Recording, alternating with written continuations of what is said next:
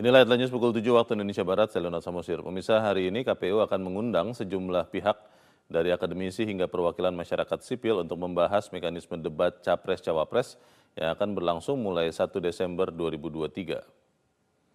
Ketua KPU Hasyim Asyari menyebut pertemuan hari ini akan terbagi dalam dua sesi, yaitu di pagi hari KPU akan melakukan fokus group discussion atau FGD dengan beberapa stakeholders.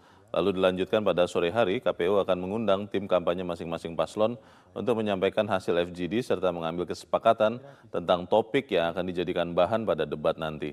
Pada fokus group discussion akan ada dua hal yang dibahas, yaitu topik-topik besar yang menjadi bahan untuk kampanye, dan yang kedua adalah soal metode debat serta durasi yang akan diberikan pada setiap paslon.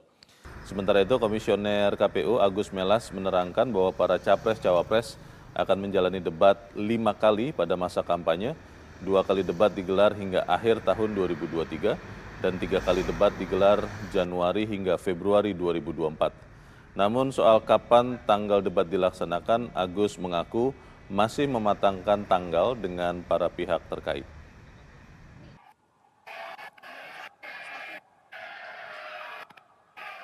Besok pagi hari akan mengundang eh, apa namanya sejumlah eh, orang yang kita anggap paham dan tahu tentang mekanisme debat eh, capres cawapres ada dari kalangan akademisi, ada kalangan pemerintah, kemudian ada kalangan eh, jurnalis atau media dan juga ada eh, teman-teman dari NGO atau eh, masyarakat sipil.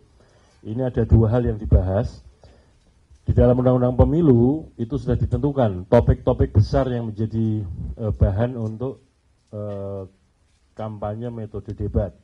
Lalu detail-detailnya yaitu bisa akan dibahas.